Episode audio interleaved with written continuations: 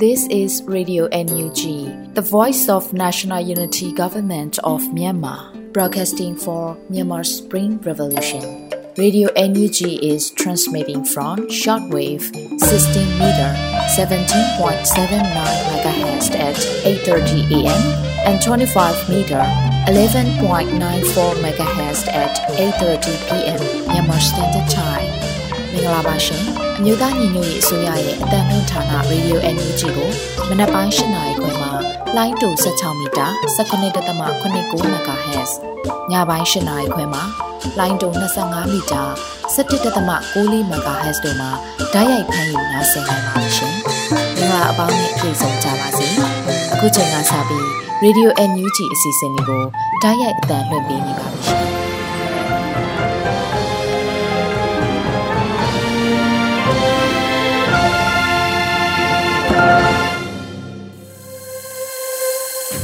မြန်မာနိုင်ငံသူနိုင်ငံသားအပေါင်းတဘာဝပြီးဆရာနာရှင်ပြည်တို့ကနေကင်းဝေးပြီးကိုစိတ်နှပါဘေးကင်းလုံခြုံကြပါစေလို့ရေဒီယိုအန်ယူဂျီဖွယ်သားများကဆုတောင်းမြတ်တာပို့သလာရပါတယ်ရှင်။အခုချိန်ကစပြီးရေဒီယိုအန်ယူဂျီရဲ့ပြည်တွင်းသတင်းများကိုတော့အေရီမှဖတ်ကြားတင်ပြပေးပါမယ်ရှင်။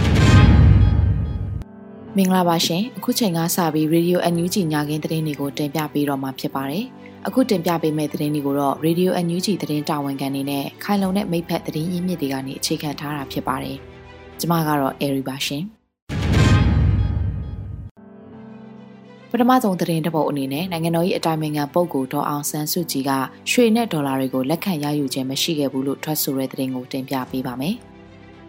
နိုင်ငံတော်၏အတိုင်ပင်ခံပုဂ္ဂိုလ်ဒေါအောင်ဆန်းစုကြည်ကရွှေနဲ့ဒေါ်လာတွေကိုလက်ခံရယူခဲ့ခြင်းမရှိဘူးလို့ယမန်နေ့ကတရားရုံးမှာထွက်ဆိုခဲ့တယ်လို့သတင်းရရှိပါရတယ်။မလ14ရက်နေ့နေပြည်တော်အထူးတရားရုံးမှာဥဖြိုးမင်းသိမ်းပေးခဲ့တယ်လို့ဆိုရဲရွှေနဲ့ဒေါ်လာတွေအမှုအတွက်စစ်ဆေးမေးမြန်းစဉ်မှာအတိုင်ပင်ခံကအဲ့လိုထွက်ဆိုခဲ့တာဖြစ်တယ်လို့တရားရုံးအတိုင်းဝိုင်းကသိရပါတယ်။ရန်ကုန်တိုင်းဒေသကြီးဝန်ကြီးချုပ်ဥဖြိုးမင်းသိမ်းကရန်ကုန်မြို့ပြစီမံကိန်းတွေနဲ့ပတ်သက်လို့အကယ်ဒမီအခောက်ရွှေခုနှစ်ပိတ်တာနဲ့ American Dollar 6သိန်းပေးခဲ့ရတယ်ဆိုပြီးတော့ တရားရုံးမှာတရားလိုပြသက်သေအနေနဲ့ထွက်ဆိုခဲ့တာဖြစ်ပါတယ်။လက်ရှိမှာအဆိုပါအမှုအတွက်ပြန်ခေါ်သက်သေတွေစစ်မေးပြီးတော့နိုင်ငံတော်၏အတိုင်ပင်ခံပုဂ္ဂိုလ်ဒေါအောင်ဆန်းစုကြည်ကိုထပ်မံမေးမြန်းနေတာလည်းဖြစ်ပါတယ်။ဒီနေ့မလ15ရက်နေ့မှာဒေါအောင်ဆန်းစုကြည်ပေါ်ဆွဲဆိုထားတဲ့အဂရိမှု၅မှုအတွက်ပယ်ဖြတ်ပေးဖို့အတွက်ပြည်ထောင်စုတရားလွှတ်တော်ချုပ်မှာကြားနာခဲ့တယ်လို့လည်းသိရှိရပါတယ်ရှင်။ ဆက်လက်ပြီးမြိတ်မြို့မျိုးသားဒီမိုကရေစီအဖွဲ့ချုပ်ရုံးမီးလောင်မှုဖြစ်ပွားခဲ့တဲ့တဲ့တင်ကိုတင်ပြပေးပါအောင်မယ်။မီးဖြတ်ခံထားရတဲ့မြိတ်မြို့မှာရှိတဲ့အမျိုးသားဒီမိုကရေစီအဖွဲ့ချုပ်ရုံးမီးလောင်မှုဖြစ်ပွားခဲ့တယ်လို့သတင်းရရှိပါတယ်။မလ14ရက်နေ့ညနေ9:00နာရီခွဲအချိန်မှာပိတ်ထားတဲ့အဖွဲ့ချုပ်ရုံးဟာမီးလောင်ခဲ့တယ်လို့ဒေသခံတွေစီကသိရပါတယ်။မီးလောင်တဲ့အဖွဲ့ချုပ်ရုံးတည်နေရာကိုမိသက်ကားတွေလာရောက်ခဲ့ပေမဲ့မီးကိုဘယ်သူရှို့တယ်ဆိုတာတော့မသိရသေးဘူးဖြစ်နေပါတယ်။မြိတ်မြို့တက်ပြင်ရက်ကွက်မှာရှိတဲ့အဖွဲ့ချုပ်ရုံးဟာ အရင်ကစစ်ကောင်စီတပ်တွေရုံးကိုဘုံခွဲတနက်တွေနဲ့ပြစ်ခတ်ထားလို့ရုံးဟာပျက်စီးနေခဲ့တာဖြစ်ပါတယ်။စစ်တပ်အာဏာသိမ်းပြီးနောက်ပိုင်းအမျိုးသားဒီမိုကရေစီအဖွဲ့ချုပ်ဗဟိုရုံးအပါအဝင်တိုင်းနယ်ပြည်နယ်တွေမှာရှိတဲ့တိုင်းရုံးမြို့နယ်ရုံးရက်ကွက်ကျေးရွာရုံးတွေကိုမတမာသူအကြမ်းဖက်သမားတွေကဥပဒေမဲ့ဖျက်ဆီးခဲ့ရှိရမှာရရှိထားတဲ့သတင်းတွေအရဗဟိုရုံးချုပ်အပါအဝင်စုစုပေါင်း86ကြိမ်ရှိခဲ့ပြီဖြစ်တယ်လို့အဖွဲ့ချုပ်ဗဟိုပြန်ကြားရေးကော်မတီကလည်းထုတ်ပြန်ထားပါတယ်ရှင်။ အခုတခါအကြီးစားရေကာတာစီမံကိန်းလုံးဝတားမြစ်ပိတ်ပင်တဲ့မူဝါဒချမှတ်ပေးဖို့ NUCC ထံတောင်းဆိုတဲ့သတင်းကိုတင်ပြပေးပါမယ်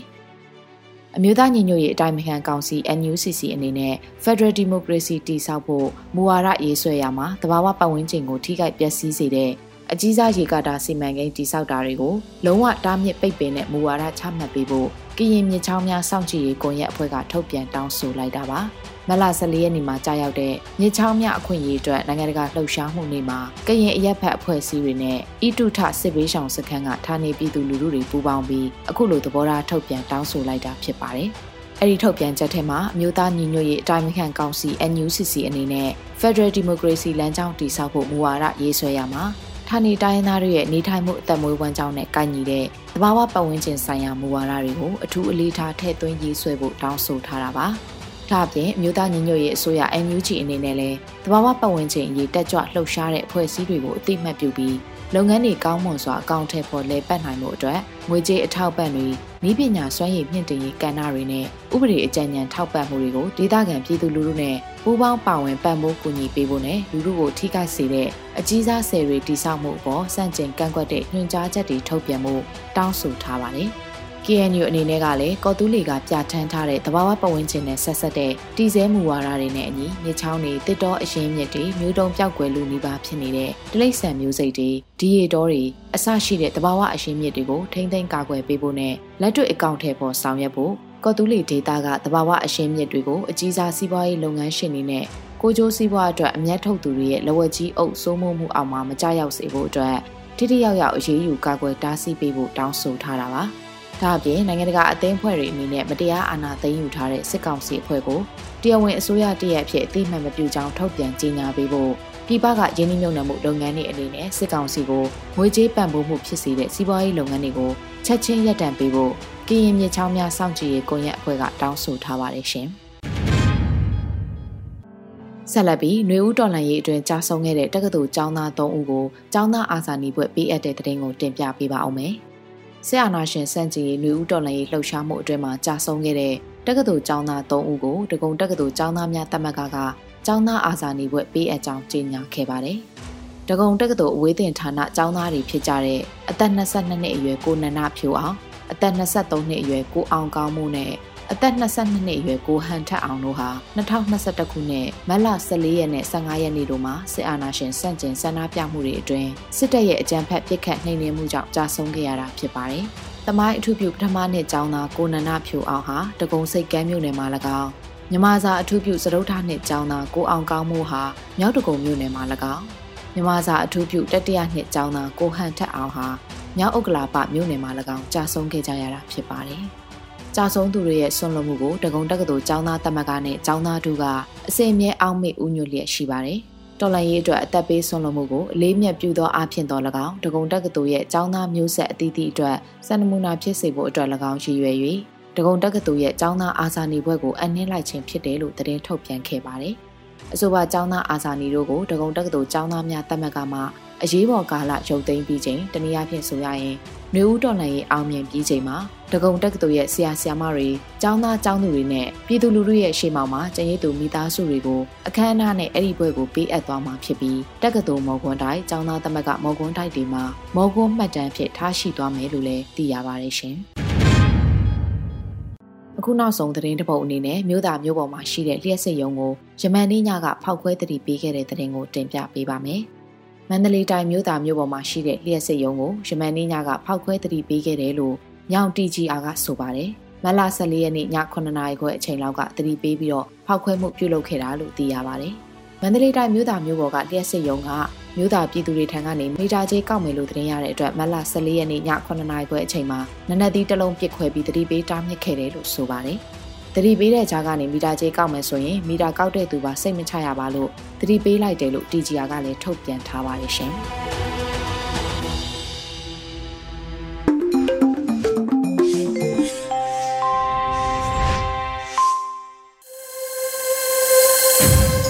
ရီယူအန်ယူဂျီမှာဆက်လက်တင်ပြနေပါတယ်။ ဒီနေ့ရဲ့တော်လှန်ရေးသတင်းစကားအစီအစဉ်မှာတော့တန်မတ်ကြီးဦးကျော်မိုးထွန်းရဲ့တော်လှန်ရေးလက်ရှိအခြေအနေနဲ့ရှေ့အလားလာဆိုတဲ့အကြောင်းအရာကိုနားဆင်ကြရတော့မှာဖြစ်ပါရဲ့ရှင်။အားလုံးမင်္ဂလာပါ။အခုဆိုရင်ပေါ့နော်မြန်မာနိုင်ငံမှာစစ်တပ်ကမတရားအာဏာသိမ်းခဲ့တာတစ်နှစ်နဲ့တစ်လကျော်လာပြီပေါ့နော်။ကျွန်တော်တို့အခုဒီတစ်နှစ်နဲ့တစ်လကျော်လာတဲ့ဥစ္စာမှာပြီးခဲ့တဲ့တစ်နှစ်ရဲ့အနေအထားနဲ့အခုအနေအထားကိုကျွန်တော်တို့ပြန်ပြီးတော့အဲကြည့်မယ်ဆိုရင်ပေါ့နော်။ ကျွန်တော်တို့ပြည်တွင်းမှာရောပြည်ပမှာရောပေါ့နော်ကျွန်တော်တို့ရဲ့ဒီမိုကရေစီအင်အားစုတွေရဲ့ဆောင်ရွက်နိုင်ဖို့ကအများကြီးတိုးတက်မှုတွေအများကြီးရှိလာတယ်ခိုင်မာမှုတွေအများကြီးရှိလာတယ်ကျဲကျဲပြန့်ပြန့်ပို့ပြီးတော့ဆောင်ရွက်လာနိုင်တဲ့ဥစ္စာတွေဟာဟိုအားလုံးမျက်မြင်ကိုယ်တွေ့တွေ့နေကြတာအဲဖြစ်ပါတယ်ဟိုကျွန်တော်တို့ပေါ့နော်ဒီပြည်တွင်းမှာဆိုရင်ပေါ့နော်ပြည်တွင်းမှာပြည်ပမှာပေါ့နော်ဒီ NUG ရဲ့ဆောင်ရွက်မှု CRPA ရဲ့ဆောင်ရွက်မှုတွေပေါ့နော်ဆိုတော့ပြန်ကြည့်မယ်ဆိုရင်ပို့ပြီးတော့ချိတ်ဆက်မှုတွေပိုခိုင်မာလာတယ်ဆောင်ရွက်နိုင်မှုတွေပို့ပြီးတော့ကြည်ကြည်ပြန့်ပြန့်ဆောင်ရွက်လာနိုင်တယ်ထိတွေ့မှုတွေပို့ပြီးတော့ဆောင်ရွက်လာနိုင်တဲ့ဥစ္စာတွေတွေ့ရမှာဖြစ်ပါတယ်ပေါ့နော်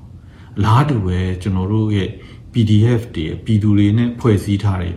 PDF တွေရဲ့ဆောင်ရွက်နိုင်မှုကိုလည်းပြန်ကြည့်မယ်ဆိုရင်ပေါ့နော်ကျွန်တော်တို့ ဒီအများကြီးချိတ်ဆက်မှုတွေပိုကောင်းလာတယ်အများကြီးကြည်ကြဲပြန့်ပြန့်ဆောင်ရွက်လာနိုင်တယ်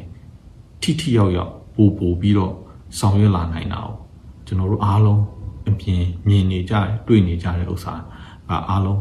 အတိပဲဖြစ်ပါတယ်ပေါ့နော်ဒါကြောင့်ဒါတွေဟိုကိုဖြစ်အောင်ဆောင်ရွက်နိုင်တယ်ဆိုတဲ့ဥစ္စာကလည်းကျွန်တော်တို့ဒီ NUG CRPH ရဲ့ဆောင်ရွက်မှုတွေတောင်ကောင်းအဓိကပြည်သူတွေရဲ့ဆောင်ရွက်မှု ကျွန်တော်တို့ ਨੇ တောက်လျှောက်ပူးပေါင်းဆောင်ရွက်နေတဲ့ကျွန်တော်တို့ ERO တွေရဲ့ပူးပေါင်းဆောင်ရွက်မှုတွေကြောင့်ဒီအခြေအနေဒီအထီကိုကျွန်တော်တို့အောင်အောင်မြင်မြင်ကြက်ကြက်ပြန့်ပြန့်ထိထိရောက်ရောက်ဆောင်ရွက်လာနိုင်တဲ့ဥစ္စာတွေရှိတယ်ဆိုတဲ့ဥစ္စာကတော့အဲကျွန်တော်ကျွန်တော်မြင်တယ်လို့ပေါ့နော်အခြားကျွန်တော်ညီကိုမောင်နှမတွေအကုန်လုံးလည်းဒီပုံစံအတိုင်းမြင်မယ်လို့ကျွန်တော်အပြည့်အဝအဲယုံကြည်ပါတယ်ပေါ့နော်အခုဆိုရင်ပေါ့နော်ပြည် ပြည်တွင်းမှာဒီလိုရှိသလိုပြည်ပရဲ့အခြေအနေကိုလည်းကျွန်တော်တို့ပြန်ကြည့်လိုက်တယ်ဆိုရင်ပေါ့နော်ဒီစကားစအနေနဲ့နိုင်ငံတကာမျက်နှာစာဒေတာတွင်းမျက်နှာစာမှာကိုစားပြုမှုကတဖြည်းဖြည်းနဲ့ကြုံကြုံကြုံကြုံလာတယ်ဆိုတဲ့ဥစ္စာအထင်ရှားပဲဖြစ်ပါတယ်ပေါ့နော်အခုဆိုရင်ကျွန်တော်တို့ဒီ data တွင်အဖွဲ့အစည်းဖြစ်တဲ့အာဆီယံပေါ့နော်ကျွန်တော်မြန်မာနိုင်ငံလည်းအဖွဲ့ဝင်ဖြစ်တဲ့အာဆီယံအဖွဲ့ဝင်အဲအာဆီယံအစည်းအဝေးတွေမှာဆိုကြည့်ရင်ဒါ အာဆီယံကအတိအတိအကျကိုသူတို့ဆုံးဖြတ်ထားတဲ့ဥစ္စာရှိတယ်စကားစားရဲ့ဘယ်နိုင်ငံနိုင်ငံ political level ကိုစားပြုမှာအစည်းအဝေးတွေကိုတက်ရောက်ခွင့်မပြုဘူးဆိုတဲ့အဆုံးဖြတ်ထားတာရှိဒါတွေကကြည်ချင်းအဖြစ်ပေါ့နော်ဒီပြည်သူတွေရဲ့အတန်ပြည်သူတွေရဲ့ဆန္ဒကိုဒီကျွန်တော်ဒေတာတွင်းနိုင်ငံတွေကကောင်းကောင်းကြားတယ်ကောင်းကောင်းသိတယ်ကောင်းကောင်းဆောင်ရွက်ပေးနိုင်တယ်ဆိုတဲ့ဥစ္စာမျိုးဟိုကျွန်တော်တို့ မြင်တွေ့နေရတယ်ဟိုကဥစ္စာရှိပါဒါလည်းကျွန်တော်တို့တွေရဲ့မျောလင်းချက်အပြည့်တော့မရောက်သေးဘူးပေါ့နော်ဒါပေမဲ့လည်းဒါတဖြည်းဖြည်းနဲ့ဆောင်ရွက်ယူသွားမယ်ဥစ္စာမျိုးလို့တော့ကျွန်တော်မြင်ပါတယ်ဒါကြောင့်ကျွန်တော်တို့ရဲ့ပြည်သူတွေရဲ့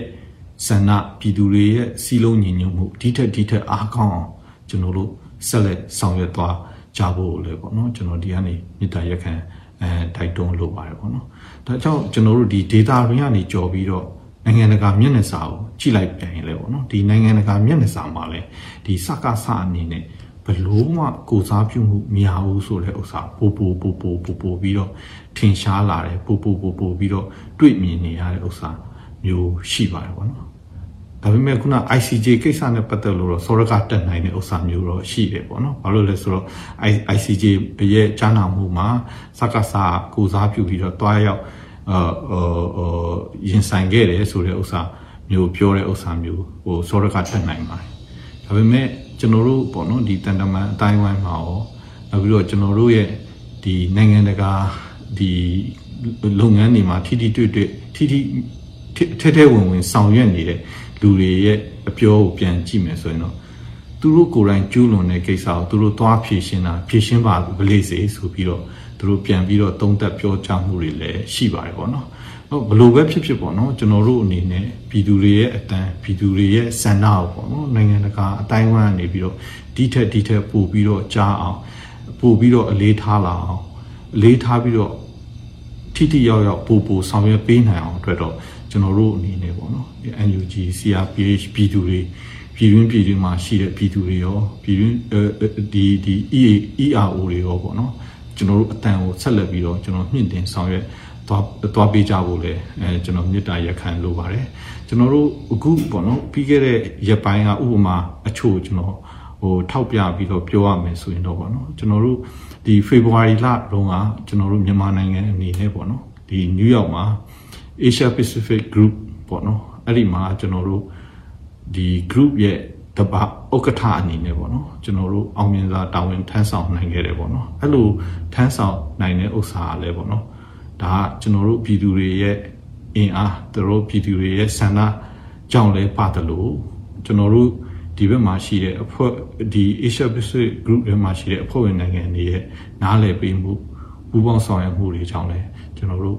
အောင်မြင်မြင်ဆောင်ရွက်နိုင်ခဲ့တယ် ဆိုတဲ့ဥစ္စာမျိုးရှိပါတယ်ဒါကြောင့်လည်းအားလုံးကိုကျေးဇူးတင်ကြောင်းပေါ့နော်အခုအခွင့်အရေးရတော့ကျွန်တော်ပြောကြလိုပါတယ်နောက်တစ်ခုကတော့ပေါ့နော်ကျွန်တော်တို့ပြီးခဲ့တဲ့ March လတရက်နှစ်ရက်ကကျွန်တော်တို့ဒီမှာယူကရိန်းနဲ့ပတ်သက်ပြီးတော့ဟိုရေးပေါ်အထူးစီဝေးပေါ့နော်ကျင်းပခဲ့တယ်အဲ့ဒီရေးပေါ်အထူးစီဝေးမှာလည်းပေါ့နော်ကျွန်တော်အဲကျွန်တော်အနေနဲ့ဒီယူကရိန်းနိုင်ငံကိုကျူးကျော်အဲကျူးကျော်မှုယူကရိန်းပြည်သူတွေ ခံစားနေရတဲ့အမှုတွေပေါ်မှာကျွန်တော်တို့ဒီဒီကျွန်တော်တို့အနေနဲ့နားလေတယ်ခံစားရတယ်ဘာလို့လဲဆိုတော့ကျွန်တော်တို့မြန်မာနိုင်ငံမှာလည်းစစ်တပ်ကမတရားပေါ့နော်လူခွင့်ရေးချိုးဖောက်မှုတွေ crimes against humanity အထိကျူးလွန်ကျူးလွန်မှုတွေအတွက်ပေါ့နော်ကျွန်တော်တို့ပြည်သူတွေခံစားနေရတာရှိရှိတယ်လို့ယူကရိန်းရဲ့ပြည်သူတွေလည်းအလားတူမျိုးခံစားနေရတဲ့အတွက်ကြောင့်ကျွန်တော်တို့အနေနဲ့စာနာရဲဆိုတဲ့ဥစ္စာဟိုကျွန်တော်မိကုန်းမှာထည့်ပြောနိုင်ခဲ့သလို ဟိုကျွန်တော်တို့ဒီယူကရိန်းနဲ့ပတ်သက်တဲ့ resolution မှာလည်းပေါ့နော်ကျွန်တော်တို့အနေနဲ့ပူးတွဲဆိုရှင်ဖြစ်ပါဝင်ခဲ့တယ်အဲနောက်ပြီးတော့မဲခွဲတဲ့အခါမှာလည်းပေါ့နော်ကျွန်တော်တို့ထောက်ခံမယ်ပေးပေးခဲ့တယ်ပေါ့နော်ဒါကလည်းကျွန်တော်ယူကရိန်းပြည်သူတွေခံစားနေရတဲ့ဥစ္စာကိုကျွန်တော်တို့သူတို့နဲ့အတူရက်တီဆောင်ရွက်နိုင်ခဲ့တယ်ပြသနိုင်ခဲ့တယ်ဒါလည်းကျွန်တော်တို့နိုင်ငံအများကနေပြီးတော့ပေါ့နော်ယူကရိန်းပေါ် စာနာရဲဆိုတဲ့ဥစ္စာကိုနိုင်ငံအများနဲ့အတူကျွန်တော်တို့ပြသနိုင်ခဲ့တာဖြစ်ပါတယ်ပေါ့နော်ဒါကြောင့်ကျွန်တော်တို့အနေနဲ့ပေါ့နော်ဒီဒီဒီမိုကရေစီဖက်ဒရယ်နိုင်ငံထူထောင်ဖို့ဒီဒီအချမ်းဖက်စစ်အာဏာရှင်အမြန်ဆုံးအမြင့်ဖက်ဖို့အတွက်ကိုကျွန်တော်တို့ဆက်လက်ပြီးတော့ပေါ့နော်ပြည်တွင်းရအင်အားစုတွေရောပြည်ပမှာရှိတဲ့အင်အားစုတွေရောကျွန်တော်တို့ဆက်လက်ပြီးတော့လက်တွဲညီညီဆောင်ရွက်သွားကြမှာဖြစ်ပါတယ်ဆောင်ရွက်သွားပေးကြဖို့လည်း ကျွန်တော်မေတ္တာရက်ခံတိုက်တွန်းလိုပါတယ်ဒါကြောင့်ပေါ့နော်ကျွန်တော်တို့ရဲ့အခုဆောင်ရွက်နေတဲ့အရေးတော်ပုံအောင်ရပါ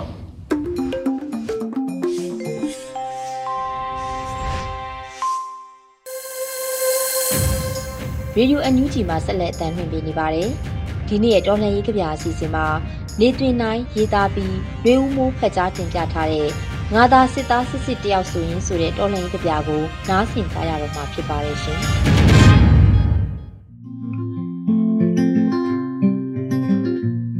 ငါသာစစ်သားစစ်စစ်တယောက်ဆိုရင်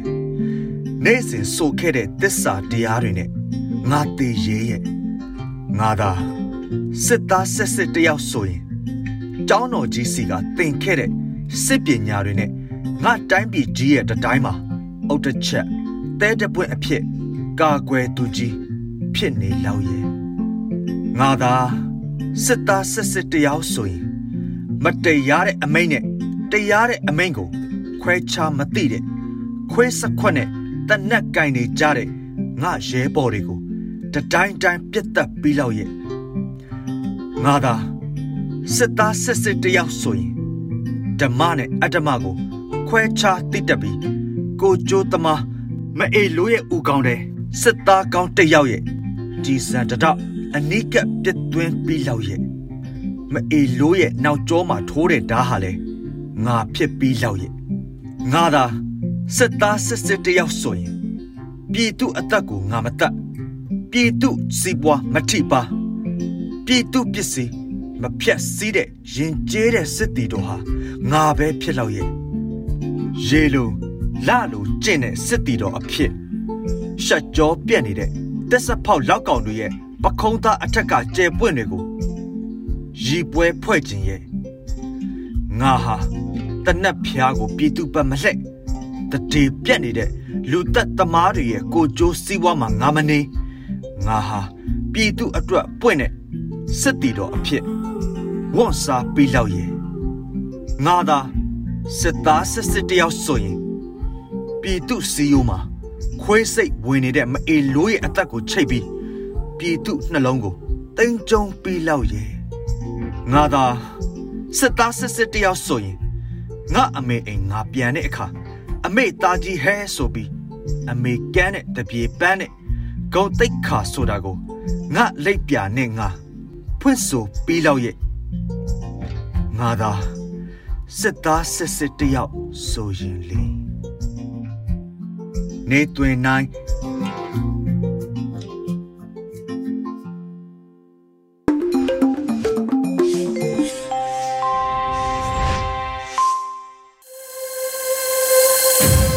အခုဆက်လက်ပြီးဒီနေ့ရဲ့မိုးမခဆောင်းပါးအစီအစဉ်မှာတော့လက်နက်ကင်တပ်ဖွဲ့တွေရဲ့နိုင်ငံရေးရည်ချိန်နဲ့အမိန့်တစ်ခုရဲ့အောက်ရှိချင်းမရှိချင်းဆိုတဲ့မိုးမခဆောင်းပါးကိုရွေဦးမှုမှဖတ်ကြားတင်ပြပေးပါမယ်ရှင်။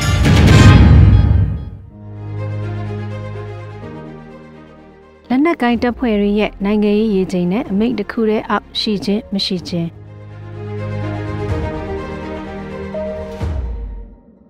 Junior Defense and Liberation Alliance စုပေါင်းအဖွဲ့ကရင်းမပင်ခရိုင်က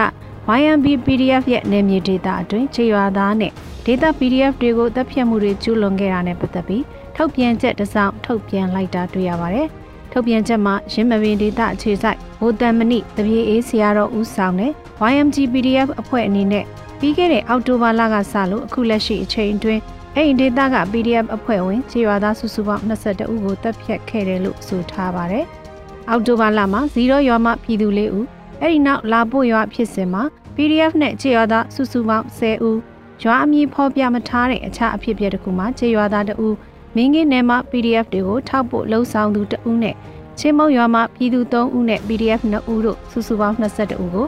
YMB PDF ကတပ်ဖြတ်ခဲ့တယ်လို့ဖော်ပြထားပါတယ်။ ဒီစီးရင်တွေကအတိပြဝေးစီးရင်တွေဖြစ်ပြီးအခြားသောဖြစ်စဉ်တွေလည်းရှိကောင်းရှိနိုင်ပါတယ်။ဒီလိုအဖြစ်အပျက်တွေဖြစ်ပျက်တာဟာစစ်အာဏာရှင်စန့်ကျင်ရေးလှုံ့ဆော်မှုအတွက်ကောင်းတဲ့သတင်းတော့မဟုတ်ပါဘူး။တစ်ဖက်ကဝါဒဖြန့်မှု PDF တွေကိုသိခါချဖို့နာမည်ပြအောင်လုပ်ဖို့အတွက်တာရကတစ်ခုတစ်ပွဲဖြစ်စေပါတယ်။ဒီလိုပြောလို့အခုလိုသတင်းထုတ်ပြန်တာအများသိအောင်လုပ်တာကိုမှားတယ်လို့ဆိုတဲ့သဘောမဟုတ်ပါဘူး။ပြဿနာရှိနေတာကိုဖုံးကွယ်ထားဖို့မလိုအပ်သလိုလက်နက်အားကိုပြီးတပ်ဖြတ်တာတွေဟာ ဆီယနာရှင်တွေရဲ့လုံနီလုံဟန်နဲ့အတူတူပဲမို့လို့ဒီလိုဖြစ်စဉ်ဖြစ်ရဖြစ်လာရင်တာဝန်ခံမှုရှိလာစေဖို့အတွက်တာဝန်ရှိတဲ့အဖွဲ့အစည်းတွေတာဝန်ခံလာအောင်နစ်နာသူအသက်ဆုံးရှုံးရသူတွေအတွက်တရားမျှတမှုရဖို့နောက်နောက်အခုလိုရုပ်ဆိုးလာတဲ့ဖြစ်ရမျိုးမဖြစ်အောင်တားဆီးဖို့လှုံ့ဆော်ရမှာအမှန်ပဲဖြစ်ပါတယ်ဒီနေရာမှာ PDF အဖွဲ့တွေအနေနဲ့ခြေရွာလိုက်ဒေတာအလိုက်ဖွဲ့စည်းကြတာကြောင့်တကြား တပွဲတဲ့အောက်မှာအမိတ်တစ်ခုတည်းအောက်မှာမရှိနိုင်ကြသေးတာကိုကာလတစ်ခုအထိနားလေသဘောပေါက်ပေးကြရမှာဖြစ်ပေမဲ့လနဲ့နှစ်နဲ့အထိကူးပြောင်းလာတဲ့အချိန်အတိုင်းတာတွင်နိုင်ငံရေးဥဆောင်မှုတစ်ခုရဲ့အောက်မှာစီရေးအမိတ်ကျင့်ဝတ်စည်းကမ်းတစ်ခုရဲ့အောက်မှာရောက်ဖို့ကြိုးစားကြဖို့လိုအပ်မယ်ထင်ပါတယ်။အဲ့လိုမဟုတ်ခဲ့ရင်ကြာလာတာနဲ့အမျှရိတ်ခငွေချေးရရှိဖို့စူးစောင်းရမှာနိုင်ငံရေးအရစီးယုံတာထက်လက်နက်အားနဲ့တောင်းခံတာမျိုးရယူတာမျိုးတွေဖြစ်ပွားနိုင်ခြေရှိတာကြောင့်ဖြစ်ပါတယ်။ လက်နက်ကိုင်အဖွဲ့အစည်းတစ်ခုအနေနဲ့မြို့သားရေးနိုင်ငံရေးရည်မှန်းချက်အားကောင်းစွာရှိပြီးအခြေခိုင်ဖို့လိုအပ်မှာဖြစ်ပါတယ်။အဲဒီလိုမဟုတ်ခဲ့ရင်ရန်သူအဖွဲ့အစည်းတစ်ခုကိုတိုက်ဖို့ကိုသာဦးတည်ပြီးကျန်တဲ့ပြဿနာတွေအခက်အခဲတွေကိုရင်ဆိုင်ဖြေရှင်းရမှာစီယုံရေးနီလန်နိုင်ငံရေးရည်မှန်းချက်တူးတဲ့အဖွဲ့အစည်းတွေနဲ့မဟာမိတ်အဖြစ်လက်တွဲဆက်ဆံဖို့လူထုကိုစီယုံမှုတွေအထိရှင်းလင်းတဲ့ရည်မှန်းချက်မရှိခဲ့ရင်စစ်ဘရင်တွေတချို့ကစစ်မင်းလို့ခေါ်ဆိုကြသူတွေဖြစ်လာနိုင်ပါတယ်။ ဒီထက်ဆိုးရွားတဲ့အခြေအနေမျိုးမှာဓမြတွေဖြစ်သွားနိုင်ခြင်းရှိလို့လည်းဖြစ်ပါတယ်။ဆီယနာရှင်စန့်ကြီးဆိုတဲ့ရွေချက်အပြင်ခြားသောလိုက်နိုင်ရမယ့်ကျင့်ဝတ်စည်းမျဉ်းစည်းကမ်းအမိတ်စတာတွေဟာနိုင်ငံရေးရည်မှန်းချက်နဲ့လက်နက်ကိုင်းတပ်ဖွဲ့ရဲ့နိုင်ငံရေးရည်ချိန်နဲ့ဆက်နွယ်နေတယ်လို့ဆိုရပါလိမ့်မယ်။နိုင်ငံရေးအားမကောင်းတဲ့နိုင်ငံရေးရည်မှန်းချက်မရှိတဲ့လက်နက်ကိုင်းအဖွဲ့တွေရဲ့ဖြစ်နိုင်ခြေတွေကိုလက်နက်ကိုင်းတော်လှန်ရေးစတင်စဉ်ကတည်းကမှန်းဆထားပြီးဖြစ်ရမှာပါ။အဲ့ဒီအတွက်ထိမ့်သိမ့်မဲ့ နိုင်ငံရေးရွယ်ချက်ရှင်းလင်းစွာရှိဖို့နိုင်ငံရေးရေချိန်မြင့်တက်လာအောင်ဆွေးနွေးစည်းရုံးတာမျိုးတွေလှုပ်ဆောင်မှုအစီအစဉ်တွေချမှတ်ထားသင့်တယ်လို့မြင်ပါတယ်။ခုဖြစ်လာတဲ့ပြဿနာကနောက်နောက်ကြုံရနိုင်ခြေရှိတဲ့ပြဿနာတွေကိုမီးမောင်းထိုးပြလိုက်တယ်လို့ဖြစ်စေပြီးလက်နက်ကိုင်းတော်လှန်ရေးကိုဦးဆောင်တဲ့ NUG အနေနဲ့လိုအပ်တဲ့ပြင်ဆင်မှုအရေးယူမှုရန်တရားစနစ်တွေအလင်းအမြန်လှုပ်ဆောင်ဖို့လိုအပ်နေတာကိုနှိုးဆွန်လိုက်တယ်လို့ဖြစ်စေတာလည်းဖြစ်ပါတယ်ရှင်။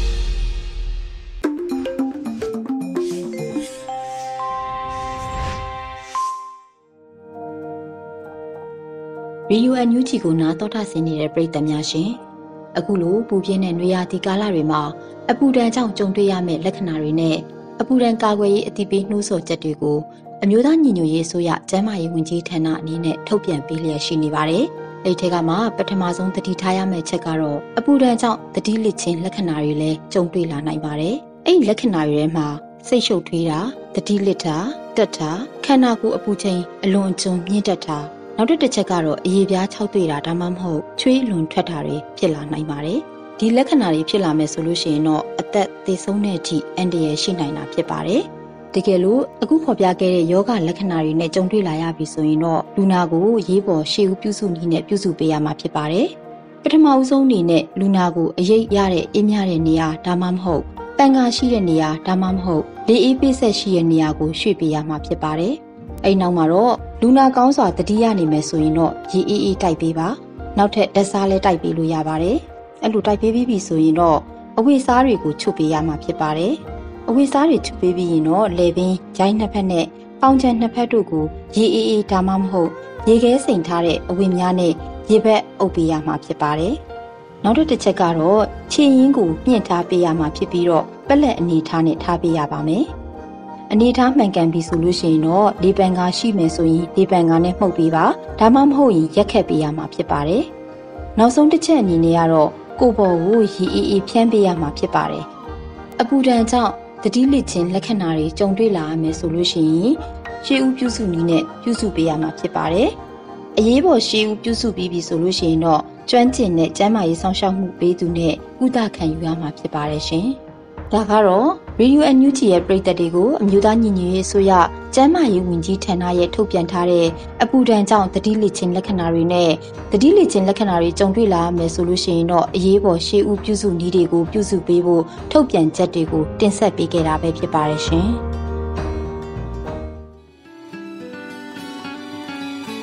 အခုဆက်လက်ပြီးတေဂီတာအစီအစဉ်မှာတော့ ဒါနောက်ဆုံးတိုက်ပွဲလို့အမည်ရတဲ့တော်လှန်ရေးတေဂီတာကို Skypoint ခိတ္တဒူဘိုင်းမှတည်ဆိုပေးထားပါတယ်ရှင်ဒီလမ်းကဆောင်ရန်ကြီးကျန်လာရဲ့ကျန်လဲရှိဆက်ပြီးတို့မှာပဲဒါနောက်ဆုံးပွဲလူတိုင်းဟာတမိုင်းတစ်ခုလို့ရေးကြတာပဲရေးလိုက်တဲ့မင်းရဲ့တမိုင်းကကြံခဲ့မှာပဲဒါ နောက်ဆုံးပွဲ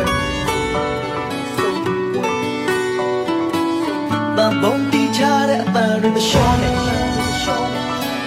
ဟစ်ကြွေးချတဲ့အပန်းတွေမှန်တဲ့သေချာနေတာ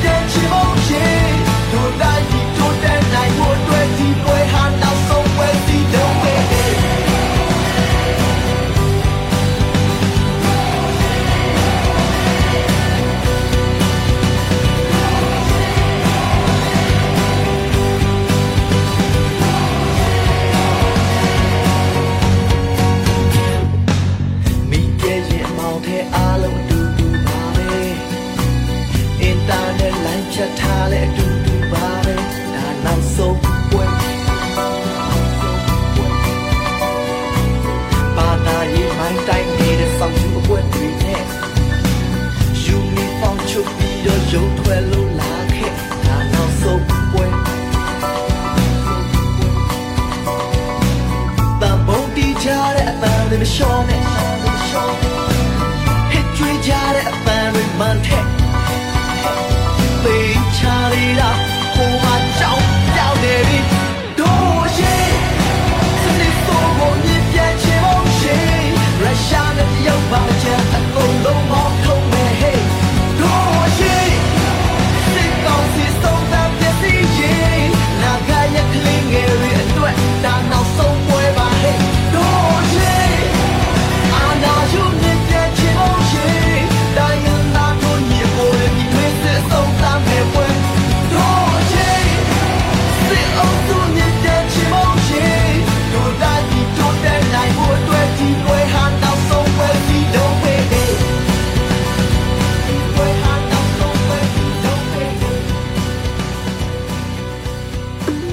ဒီကနေ့ကတော့ဒီညနဲ့ပဲ Radio NUG ရဲ့အစီအစဉ်လေးကိုခਿੱတရနာလိုက်ပါမယ်ရှင်။မြန်မာစံတော်ချိန်မနက်၈နာရီခွဲနဲ့ည၈နာရီခွဲအချိန်တွေမှာပြန်လည်ဆုံတွေ့ကြပါစို့။ Radio NUG ကိုမနက်ပိုင်း၈နာရီခွဲမှာလိုင်းတူ16မီတာ19.89 MHz